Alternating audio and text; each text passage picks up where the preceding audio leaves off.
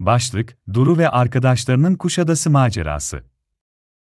Bölüm 1, Kuşadası'na yolculuk. Bir varmış, bir yokmuş.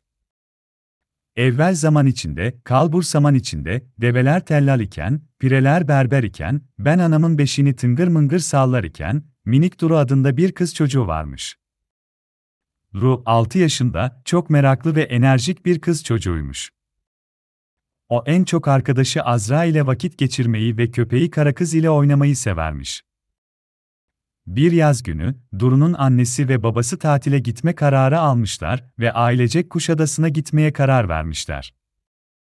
Duru bu tatil planından çok heyecanlanmış, hemen arkadaşı Azra'ya haber vermiş. Azra da ailesiyle konuşup, tatil için Duru'nun ailesiyle birlikte gitmeye karar vermiş. Ertesi gün, Duru ve ailesi, arkadaşı Azra ile birlikte Kuşadası'na doğru yola çıkmışlar. Yolculuk boyunca, Duru ve Azra'nın enerjisi hiç düşmemiş.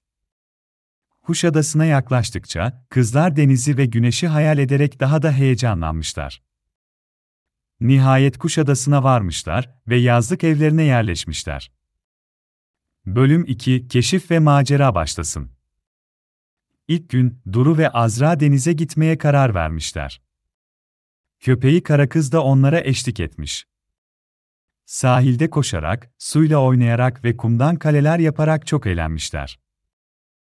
Du, bir süre sonra çevredeki kumsalı ve kayalıkları keşfetmeye karar vermiş.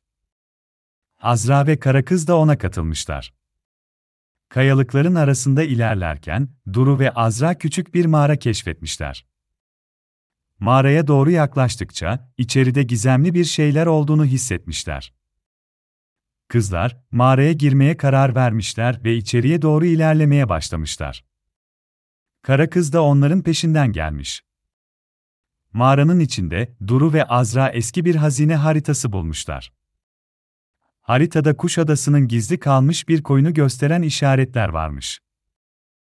Kızlar, bu haritayı kullanarak koyu bulmaya ve hazineyi aramaya karar vermişler. Bölüm 3 Gizli Koy ve Hazine Ertesi gün, Duru ve Azra hazine haritasını incelemeye başlamışlar. Haritadaki işaretleri takip ederek, Kuşadası'nda gizli bir koy keşfetmişler. Koyun etrafı yemyeşil ağaçlar ve büyülü gibi duran kayalıklarla çevriliymiş. Kızlar, bu güzel koyda hazine arayışa başlamışlar. Kara kız, Duru ve Azra'nın etrafında dolaşarak onları koruyormuş. Bu sırada başka köpeklerin havlamalarını duymuşlar. Bu köpekler, Duru ve Azra'ya doğru koşarken, kara kız hemen harekete geçmiş. Kara kız, diğer köpeklerle konuşarak onların niyetini öğrenmiş ve onları dostça bir şekilde uzaklaştırmış.